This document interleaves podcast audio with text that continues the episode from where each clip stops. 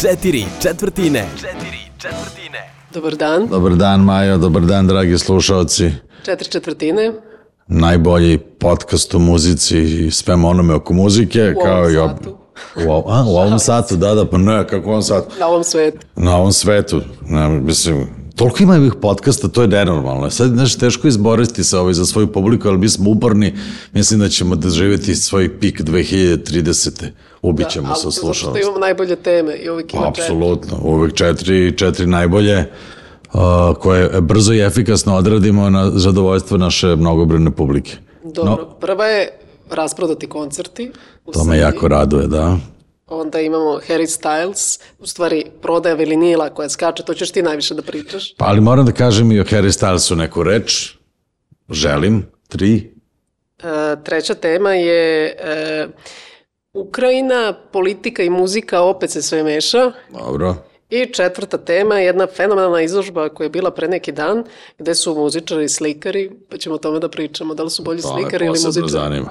To me posebno zanima. No dobro, ajmo brzo, nemamo puno vremena. Dakle, tema broj jedan je... Tema broj jedan je da li si bio na Iron Maidenu? Sad moram da kažem da ću da se ovaj da sam da ću da izvršim ne, neko ne, ne, neko self mutilation, ne znam šta, da odsečem sebi ruku, na kraju nisam otišao, dobio sam karte, hteo sam da vodim mog uh, mlađeg sina Kostu da vidi kako to izgleda. Ispostavilo se da ima neki kontrolni da sam morao da ostanem kod kuće da učim, znači opravdano nisam bio Čekaj, tu. te su završile karte. Završilo su kod nekoga. A dobro, u rukama Da, ne. mislim, da, da. Zato što ja, evo, prvi put nisam mogla da dođem do karata. Malo, Stvarno? Bila sam verovatno neozbiljna na početku i e, ostala sam bez karata, nisam otišla na koncert benda koji stvarno mi je bend A ti voliš Iron Maiden? Pa ne volim sada, ali e, volim da idem na te koncerte. Išla sam skoro na sve koji su bili ovde. I uvek mi je bilo super. Ja sam gledao jedan put, moram da kažem tako da imam to zapisano u svom ovaj, CV-u da sam gledao Iron Maiden, ali mi kažu ovi on, die hard fanovi s kojima sam se danas sreo, ovaj, da je bio najbolji koji su oni videli, ja pričao sam sa jednim koji je gledao njih devet puta, a drugi je gledao šest puta. I onda sam povala, malo sam razmišljao o tome, znaš šta, ja, ja stvarno ne umem da objasnim, evo, pa tebe pitam kao neko koji je izvođač i stalno komunicira s publikom, kakav je to, Kakav je to, kakva je to veza između tog benda i njihovih ovaj, e, poštovalaca toliko jaka i toliko intenzivna da ti ljudi prosto, rekao, ne znam, to je taj ljubav prema tom bendu je mi nešto neobjašnjivo, ide u neku, neku abstraktnu ovaj, sferu koju ne mogu da objasnim. Mislim, znaš, u, u svim drugim žanrovima muzike ti nemaš takvu vrstu odanosti i, i, i kontakta između izvođača i, i publike, ali u, u heavy metal je posebno specifičan i u tom smislu Iron Maiden je nekako na vrhu tog poplovnog talasa, mislim, oni su nekako tako dominiraju tim, to- tom svojom armijom obožavalaca da mene to fascinira. Ja mislim da je taj bend jedini bend koji je mogao još odavno prestane da se bavi muzikom i samo da prodaje majice. Da, da, Bukvalno da, i da, da, živi da. od toga. Ja ne znam, ni jedan bend koji više prodaje. Da, da, se senzacionalno sa njihovim merchandisingom. Mi smo imali u par navrata one lutkice ovde kad smo dobili te neke limitirane serije, to je stvarno bilo bih rekao, po pomama, to nije moglo da se, ovaj, nismo mogli da nabavimo koliko je, kolika je bila potražnja. A, ali, da ne pričamo mnogo Iron Maiden, naravno, bilo je divno što su bili... se te prekidamo. Kako jedan bend tog ranga proda, a, mislim nije sad bitno tog ranga, bez bukvalno reklame 18.000 karata. Pa ne, upravo je to moja tema koju ja nekako promovišem godinama unazad od kada je krenula ova kulturna pošast u poslednjoj deceniji ovaj, kojim smo svi svedoci. A moja teza je sledeća, da a, muzika koja se nama ovde servira kao dominantna, apsolutno nije do, dominantan kulturni model, jeste dominantan na medijima koji su uzurpirani koji pro, proliferišu tu vrstu šund kulture i unose tu neku kafansku kulturu u, u mainstream, što je njihov, nemam pojma da li mi je to zavičeni zadatak, ne znam što to radi i maltretiraju nas time. Moja teza je da je ovaj, kulturološka Srbija podeljena na dva dela, bukvalno na posredini, na 50-50, s tim što ako bih rekao, klatno se pomera 5% levo ili desno, zavisnosti od toga koja kulturna Srbija politički dominira u tom trenutku, tako da ovih posljednjih deset godina je ova, ova eksplozija ovog, ovog, ove primitivne glupave muzike, mislim, koja je neka, rekao, varijanta kafane, koja se prelila na svakodnevnu konzumaciju, je prosto jedan teror koji ovi drugi jadni, rekao, trpe zadnjih deset godina, ali onda kada im se pruži bilo kakva prilika da pokažu da ih ima u ogromnim brojevima, što je bilo sa glasanjem za konstraktu i sada sa dva koncerta u Beogradu gde je praktično bilo 40.000 ljudi, jel, tu čelos, što je klasična muzika, i Iron Maiden koji, ajde da kažeš, istorijski, da, praktično klasična muzika, znaš, oni su izveli iz kuće 40.000 građana, mislim, što je stvarno spektakl, nijedna politička organizacija u Srbiji to ne može da uradi. Upravo to. Ovi jedni bez autobusa, ovi jedni sa avioni, ovi drugi ni sa avionima i ne bi mogli da dovedu toliko ljudi. Hoću da kažem da je da su kulturološke potrebe, od, ajde da kažemo, ajde da se svedemo na muziku, da ne pričamo mnogo šire, su u našoj zemlji Srbici, a verovatno i šire u regionu, apsolutno nezadovoljene. Znači, postoje rekao, armija ljudi koji, kojima se apsolutno ništa ne nudi, oni jadni sede po kućama i nemaju gde da konzumiraju ono što, što žele da konzumiraju. E, to je za mene vrlo hrabrujuće i to je, rekao, dokaz ove moje hipoteze da sam možda u pravu, nadam se da jesam, i da, da sam ovaj teror zadnjih 10 godina sa ovim odvratnom muzikom koja nam se servira i sa tim kulturnim modelom koji je apsolutno za mene neprihvatljiv, ovaj, da, i pored svega toga i tog medijskog pritiska da, da mi ipak imamo sluha za ajde da kažeš, neke drugačije vrednosti ovaj, i da nisu svi ubijeni u pojam. Mene fascinira to, evo, mislim, bez ikakve reklame. Oni su na kraju uh, imali postere po gradu na kojem je pisalo sold out.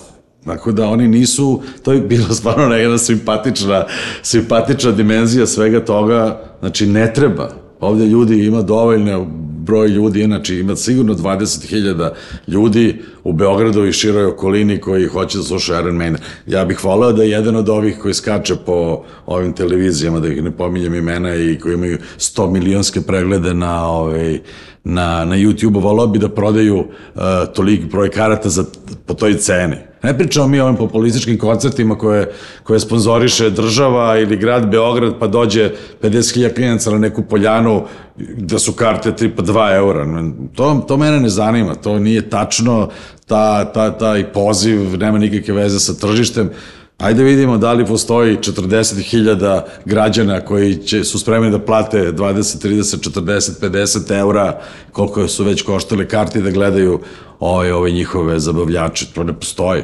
To je 100% ne postoji. Tako da kad, kad pričamo sa, sa tržišnog aspekta, ovo je, ovde preovlađuje tržište, ajde da kažeš, ove neke druge muzike koje na medijima nema. Jer tržišno, kad sabereš koliko se para potrošilo na ova dva koncerta, versus koliko se para potrošilo na koncerte, plus majice. Ne pominjem, plus majice, mislim, odnos je sigurno 50 prema 1 u korist ovih naših, jel?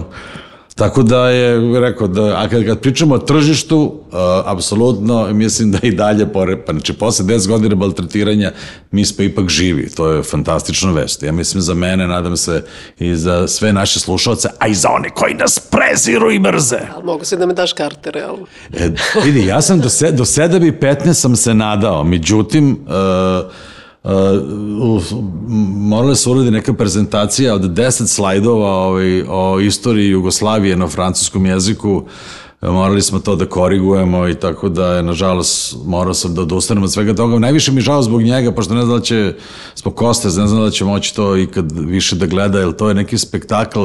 Takvi, takve stvari menjaju percepciju kod klinaca. Da, Meni je promenila percepciju. Ja sam, ja sam gledao Tino Turner u Beogradu. 70, recimo četvrte godine, odvela me tetka. Ja kad sam to video, ja sam, ja dan danas to pamtim, s nekim sam baš pričao, sam bio potpuno fasciniran, ja nisam znao da tako nešto uopšte postoji. I to je verovatno nešto što, znaš, što te usmeri Tina Turner je bila onaj haljini zlatno i sa, do, do, do, naš, do, do pola butine koja oko nje kao, mislim, onako se vrtela, ja sam bio šokiran, znaš, ti nisi tako nešto mogao da vidiš. Ja sam šokirana bila Alison Cooperom, moj prvi koncert odmah seče glave na onoj giljotini, a ja, tipa peti razred, ja sam mislila to tako treba. Da, ne, zaključak je e, svima a, i kulturnoj javnosti da dozvoli ovim uh, s- o, o, građanima Srbije koji ne žele da konzumiraju e, kulturu koja se promoviše na nacionalnim frekvencijama, da im dozvole da uživaju onome što žele i da, da omoguće svim ljudima koji žele da prave koncerte, da im izađu u susret, da im daju neke poredske olakšice, da nas puste i mi imamo dušu. Tako je. A da ne pričamo o ovom RTS-u koji, znaš, za njih nije, no, za njih nije vest Iron Maiden, za njih nije vest Madonna, za njih nije vest Harry Styles. Znaš, da oni nikad, znaš, RTS nema, znaš, rekao, izađu novi album, nemam pojma, to smo već pričali, ne, ne znam, Bruce Springsteen. To za njih nije vest, oni to ignorišu.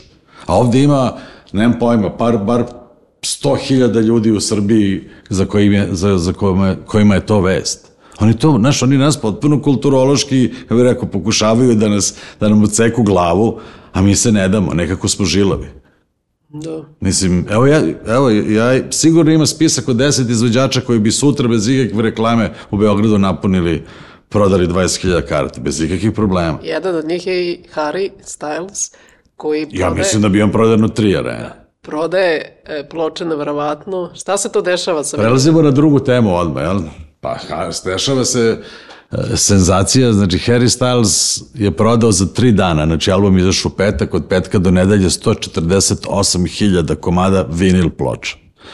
Što je, mislim ga je rekao, treba nešto dalje da, da pričam. To su stvarno ozbiljne cifre. A, to je zanimljivo iz najmanje dva razloga kojima ćemo se mi ovde baviti, a ima ih mnogo više. Ajde, pošto pričamo o industriji, iz dva razloga. Prvi je da, da prodaja vinila nije na kraju nikakav, nikakav balon koji će brzo eksplodirati. Znači, to kontinuirano raste.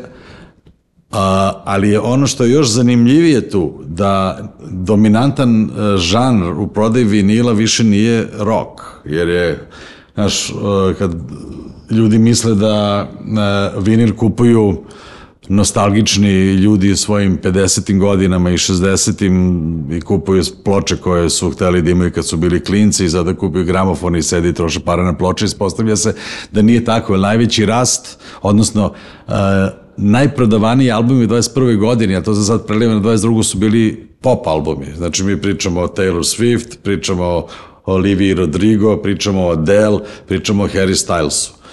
To su najprodavaniji albumi i to govori o tome da mi imamo sad jedan novi naraštaj nove generacije kojima je jedini format fizički praktično vinil, ne kupuju CD-eve, CD-eve si praktično ajde, stali, ne padaju više toliko dramatično, ali je, ali je margina jako niska, ali ovaj, pop muzika na vinilu dramatično raste. I to je jako jedan dobar pokazatelj da je, rekao da ovi mladi vole vinil, da žele da ga slušaju, da vole da ga kupe, I po meni pravi NFT je praktično vinil, a ne ove neke digitalne sličice koje vidim izgleda propadaju u poslednje vreme. Ali to je jako dobar, jako dobar rezultat. Isto to je i na našem tržištu u Srbiji, a i regionalno. Prodaja vinila je porasla prošle godine za 50 i nešto posto, po mojim pokazateljima u Srbiji, što korespondira sa, sa rastom koji je bio i na zapadu. Ali u okviru tih 50% veći rast je imala pop muzika u odnosu na rock, što je isto vrlo zanimljivo. To znači da mi imamo neke nove klince koji su se naoružali gramofonima i svoj džeparac pametno troše na ploče. Jer oni ispostavilo se da ploče mogu da se da budu i dobra, ovaj kako se zove investicija, jer mogu da se prodaju i posle 40 godina. Da, da. Evo ja sam sada slušao svoj album, svoj beli album Beatlesa, licencno Jugotonovo izdanje staro sigurno 30 godina. Za I radi, da radi. prodaš? Za koliko možda ga Pa dobro, ovo je moj, da moj omot je u katastrofalnom stanju, Ovaj, ali verovatno bi, mislim, ne, da, da, nije Ali, kafe, nešto ne se bilo zalepilo za nešto, baš je grozno, ali svira. Evo sad, sad slušali smo Helter Skelter na, na najglasnijem i svira, mislim, sve je okej. Okay. Tako da, ovaj, deco, bravo, ovaj, trošite džeparac na ploče, nemoj da, da, da trošite na drogu i alkohol.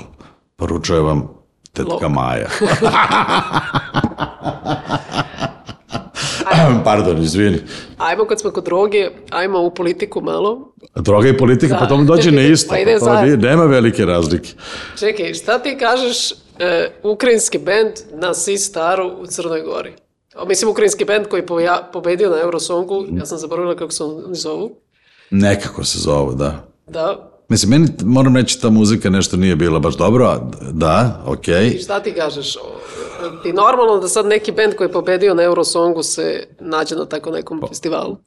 Pa vidi, znaš šta, mi sad živimo u jednom toliko politički turbulentnom ovaj, periodu koji je prilično uh, komplikovan i potencijalno jako opasan, tako da uh, sve se preliva, uh, kultura se dramatično preliva na politiku, mislim, a, i politički moment je užasno dramatičan, tako da meni to nije, to mi nije uh, nešto što, s čim sam mnogo iznenađen, Crna Gora je NATO zemlja, to je potpuno ok, sigurno u nekoj kulturnoj politici ili u nekoj spojenoj politici ili u nekom tom širem krugu razonaznih političkih odnosa, to za njih ima neki značaj kako bi pocrtali tu svoju ovaj, NATO pripadnost, što je njihova privilegija i ja potpuno razumem da neko ko je ko je, ajde kažeš, na toj strani političkog spektra danas u svetu, da, da ovaj, da još jednu, neku dodatnu političku podršku ovaj, Ukrajincima nekim simboličkim činom da pozove taj, taj, taj tog izvođača da bude vratno specijalni gost na, na, na festivalu Crne Gore.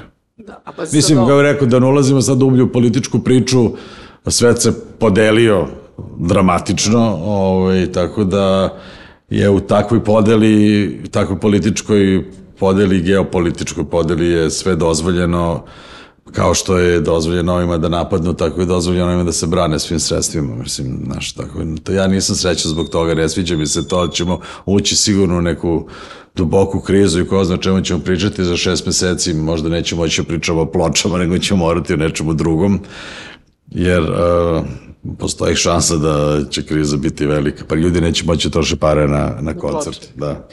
Pazi sad ovo, kaže, zbog okolnosti koje su van ničije kontrole, svetski gypsy punk band Gogol Bordello neće nastupiti na ovogodišnjem Arsenal Festu. Gle sad to. Pa vidi, ja, ja, uh, ja mogu i to, sad, tako sam pun razumevanja danas, ja stvarno ne znam šta mi je. Evo. Inače, vodim te na Arsenal, ako budeš O, gledao. želim, kad je to? Čovječe, Placebo. to da, Si dobro. gledao Placebo? Ne, nikad. Eto, dobro. Nisam. A kad je Arsenal? Kraj juna od 30. do Dobro, 2. tu sam, jula. tu sam, odlično.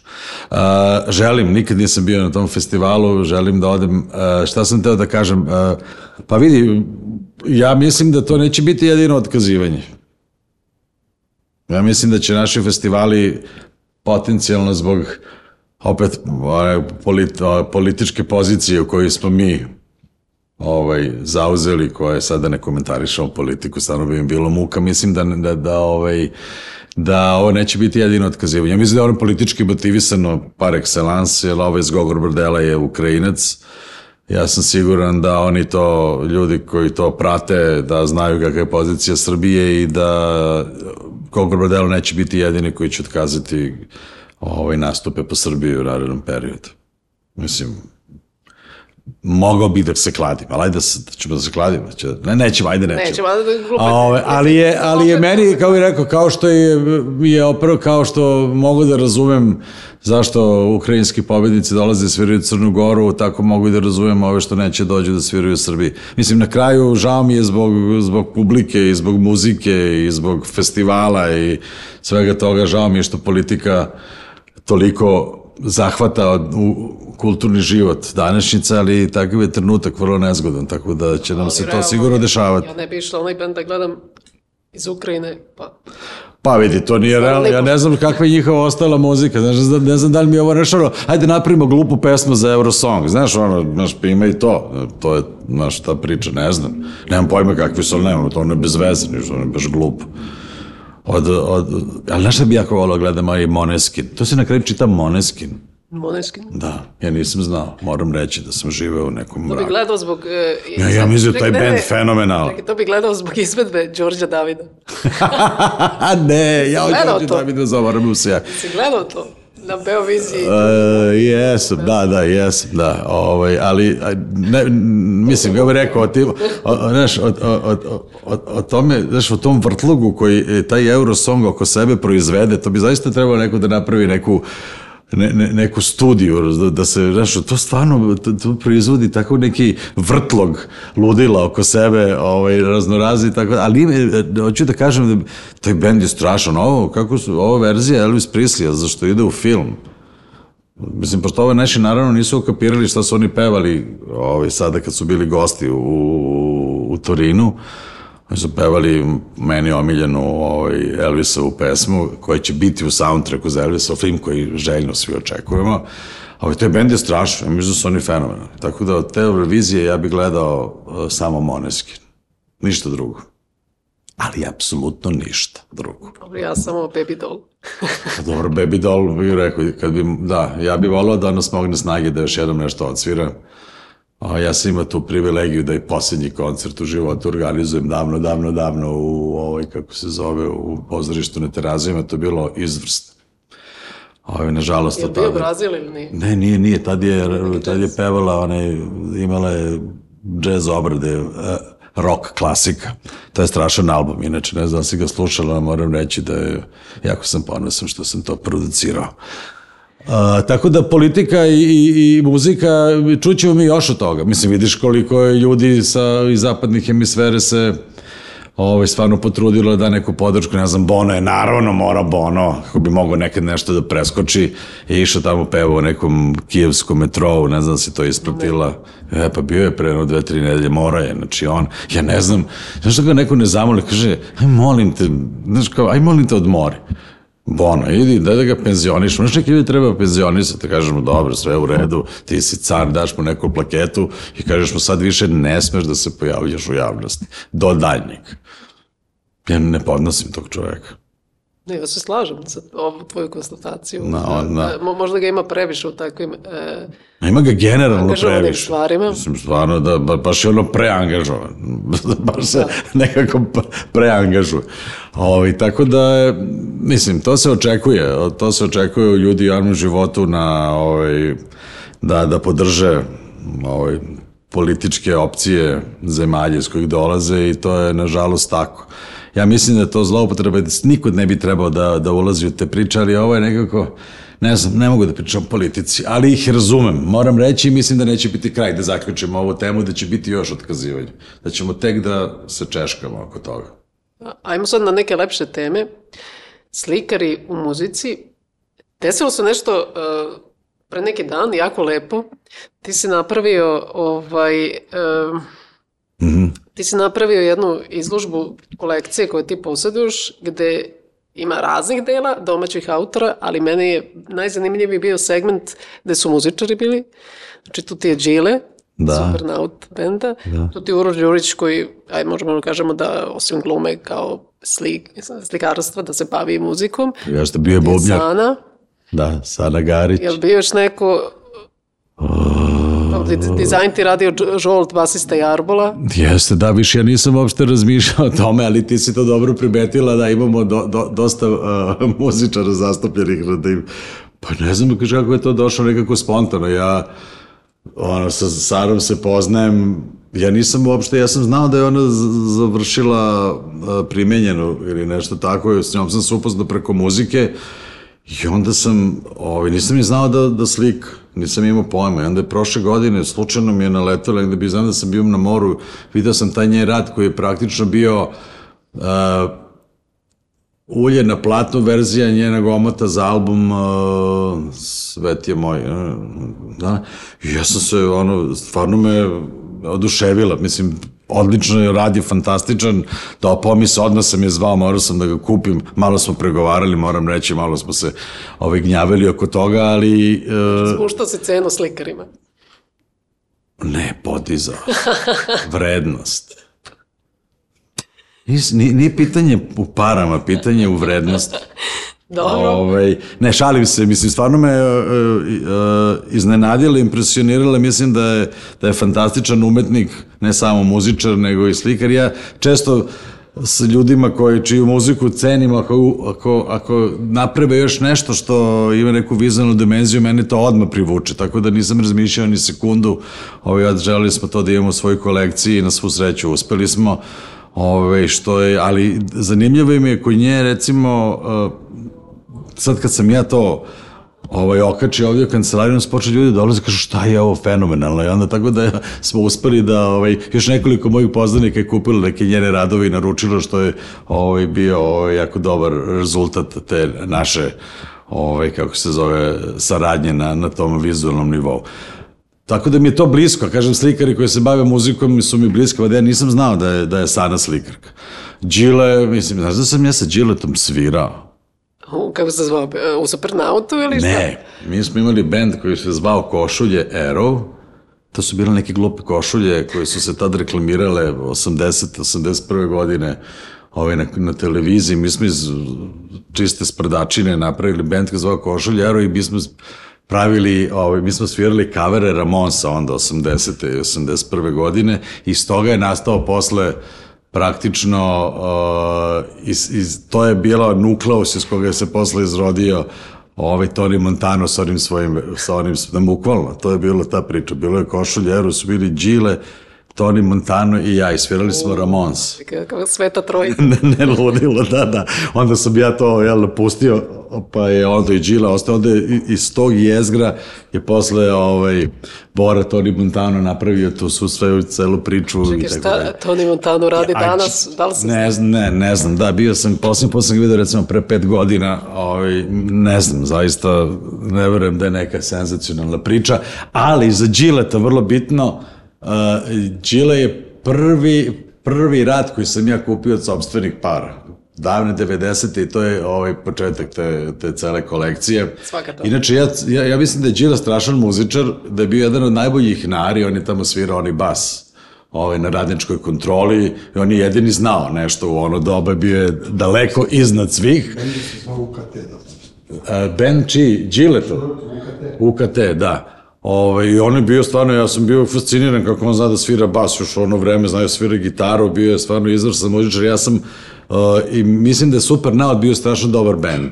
I mislim da nisu, ne znam iz kog razloga se nije desilo da oni onako imaju jednu eksplozivniju karijeru nego što su imali, ali mislim da ko ne zna, znači Srđan Đile Marković, naš čuveni slikar, je imao, možda još uvijek ima band koji zove Supernaut. Ako niste čuli do sada, molim vas, preslušajte. Imaju možda najbolju obradu Kraftwerka na svetu, onaj model, to je Yes. apsolutno Kako senzacionalno. se zove e, slika koju imaš? Jel znaš njegov Ja imam puno Điletovih slika. Prva je, e, e, prva koju sam kupio zove se Beograd noću i to je bila njegova ovaj, njegova njegov vizualni doživljaj tih klubskih noći u Beogradu sa akademije ovaj, gde smo mi provodili silne sate i to je njegova prva slika. Ona je završila, ona je inače bila na omotu. Sviš kako se to kod mene prepliče, nisam, ona je bila na, ona je bila na omotu Kazne za uši, prvog albuma Kazne za uši je, je praktično ta Điletova slika Beograd noću. I ja sam u stvari, to, to mi je bila motivacija da to kupim. Isto nešto što završi na omotu ima ploča, ja ovaj, baš želim da imam. Eno Gorčin prolazi. Ćao Gorčin. Dobro što smo izlogu. Ne, naravno. A, tako da je mene to, znači, to, to je verovatno blisko mom senzibilitetu ljudi koji se bave muzikom i, i slikarstvom u isto vreme, ja nekako poželim to da imam i to je nekako je nekako, ne znam, ne znam kako sad to da objasnim, ali hvala ti što si to primetila. A, moram reći da je i Žolt Kovač, to nije njegov rad bio izložen, ali on je dizajnirao katalog izložbe i on preko mu se zahvaljujem, a, nisam ga do sada upoznao a, preko telefona i preko maila. Da, moram da odem kod njega da posetim njegov atelje i izuzetno fin uh, mladi čovjek. Dobro, a šta imaš od Uroša Đurića? I od Uroša Đurića imam gomilu stvari, imam uh, imam svoj portret. Dobro. I imam jedno četiri, pet Uroševih slika, mislim, mi smo stvarno poznanici, drugari već. A čekaj, kako radio portret? Si mu pozirao ili... Ne, on je genijalan. uh, Uroš Đurić ima, ima, ima jedan uh, nadljudski dar da u konturama fantastično ovaj, portretiše ljude koje, ti ne možeš da sediš, on te bukvalno nacrta u konturama. I ima, na izložbi je i moj portret, a i portret Ivana Ivanovića, koji je isto senzacionalno, možeš daš da vidiš. Ovaj, on te nacrta, ti mu kažeš hoću svoj portret i on ti ga onda napravi u konturama i ti tačno vidiš ko, o kome se radi i to je fantastično, u tri poteza. I to dokazuje da je izuzetan umetnik, ovaj, kako se, stvarno sa jednom izuzetnom veštinom, moram reći. Imam puno njegovih Dobro, to radova, su to sam kupovao godinama, mislim, to je, ne, to je moja strast već godinama i puno džil, džiletovih sam kupio, svoje svoje deci sam kupao, pokupao džiletove slike, prijateljima iz Slovenije, raznoraznim prijateljima s kojima se družim. Evo i ovde nam, ovde nam sedi njegov isto remek delo koji se zove Urednik, Da, da. genijalno. Ovaj, da, izložit ćemo ga stvarno. sjaj. Pa on je, rekao, on je na, na, na najboljoj tradiciji, ajde kažeš, ove njujorške škole, ovaj, s, kraja 70-ih, početkom 80-ih godina, Kid Haring i, i svi oni oko njega, Basquiat, ja vidim nekako jasnu, jasnu vezu između onoga što on radio i onoga što su oni radio u I Njujorku. uvek prepoznatljiv, čak i po bojama. Apsolutno, ne, on je, ne, ne samo da je prepoznatljiv, on je, mislim, likovno je užasno prepoznatljiv i izražajan, ali on ovaj, ima jednu fantastičnu dozu jedne, e, društvene e, kritike jako dobro ovaj, uspe da vizualno, na, u jednom vizualnom mediju ovaj, nekako portretiše društvo u kome živi. To, je, to nije lako, to je dosta komplikovano praviti socijalno angažovanu umetnost koja nije to na prvu loptu i nije nekako politički angažovana na način da, je, da ti to postane bljutavo. On to radi vrlo inteligentno i duhovito, moram reći, njegov rad je zaista jedan od, mislim, on je jedan od najboljih naših savremenih umetnika, 100%. Tako da, super je bila izložba. mogu Hvala ti, hvala ti, pozivamo sve ove ljubitelje muzike da vide kako njihovi Do kad to traje? do 6. do 6. juna traje, da, u prodajnoj galeriji na Kosančićevom vencu. Uh, još ima, ima, dobra, ima dobra skulptura Bovija, znaš, ima puno muzike, da. to sam jedino i videla, zato te pitam. Imao je jednu fantastičnu Bovijev skulpturu koju je radio Mića Stajčić ovaj, u onom čuvenom Yamamotovom kimonu. Ovaj, to je divna stvar, to je napravljena serija od 10 komada, sve je naravno vrlo brzo raspredato, pošto je rad stvarno van serijski. On je stvari minijaturna verzija tog ogromnog rada koji je bio napravio. Bilo ih je deset, ja, ja svu sreću imam jedan, prvi koji je napravljen. To smo nas dvojica nešto zajedno ovaj, pokušali da nešto pravimo u serijama. Ovaj, baš sam ga kontaktirao neki dan, pošto naravno ljudi kad su sada došli i videli i oduševili su se, hoće svi da imaju bovije u kući, odjednom je skočila potražnja, pa sam ga pitao da li mu ostaš neke komne, kaže ne, ne, ne, davno je raspredato, tako da nema, pa će mu cena porasti. Drago mi je što si to podelio sve sa nama. Ovaj, ništa, čujemo se sledeće subote, onda Da, vidim, e, osjećam se kao da sam ja dao intervju sad ovog puta. Sledeći put moraš ti malo više da pričaš. Ne mogu više sve samo... Ali lepa su dela, e, pogotovo tih muzičara, zašto to ne pomenuti? Ne, ne, apsolutno. Više razmišljam, možda bismo mogli da napravimo neku, ne, neku tematsku priču, da vidimo ko još od muzičara je u vizualnim umetnostima, da vidimo da li tu može da se Mnogi napravi Mita iz nešto. blokauta, recimo mi sad trenutno pada na pamet. Ko? Mita iz blokauta, sećaš se blokauta? Da, sećam se, oni su slikali, Da, ja? da, da. Mm, nisam to znao. Onda čekaj, dobro da Žolta smo pomenuli, onda sad ne mogu ovako brzo, ali ima tu Znaš da imam jedan kojn, pa koja je vizualni umetnik. Da. Imam čak i jedan njegov rat koji mi je poklonio za neki rođendan. Da je stvarno ima otisce od šoljica od kafe, genijalan je. Nekom kartonu, da, da, da. Dobro, i to ulazi u istoriju. I ulazi, ulazi, naravno. Ej, pa znaš ko je još muzičar? Aleksandar Denić, on je zastupljen tamo. Imamo i, i Tom Jorka imamo na izložbi. To je genijalno. I, i Novicu Urošević. Tak slika mi je jedna od omiljenih. I Aleksandar Denić, viš koliko ima muzike na izložbi, nisam ošto razmišljao. Aleksandar Denić isto svira neku alternativnu muziku. Tako da imamo, eto, četiri, pet slikara na, na izložbi koji su ujedno i muzičari. Tako da, kolege muzičari i kolege iz branše, molim vas, dođete, pogledajte izložbu. Čujemo se onda sledeće Čujemo se sledeće subote, uh, uživajte u divnom vremenu u proleću i nadajte se gomili koncerata i što manje otkazivanja. Tako je. Ćao. Četiri četvrtine. Četiri četvrtine.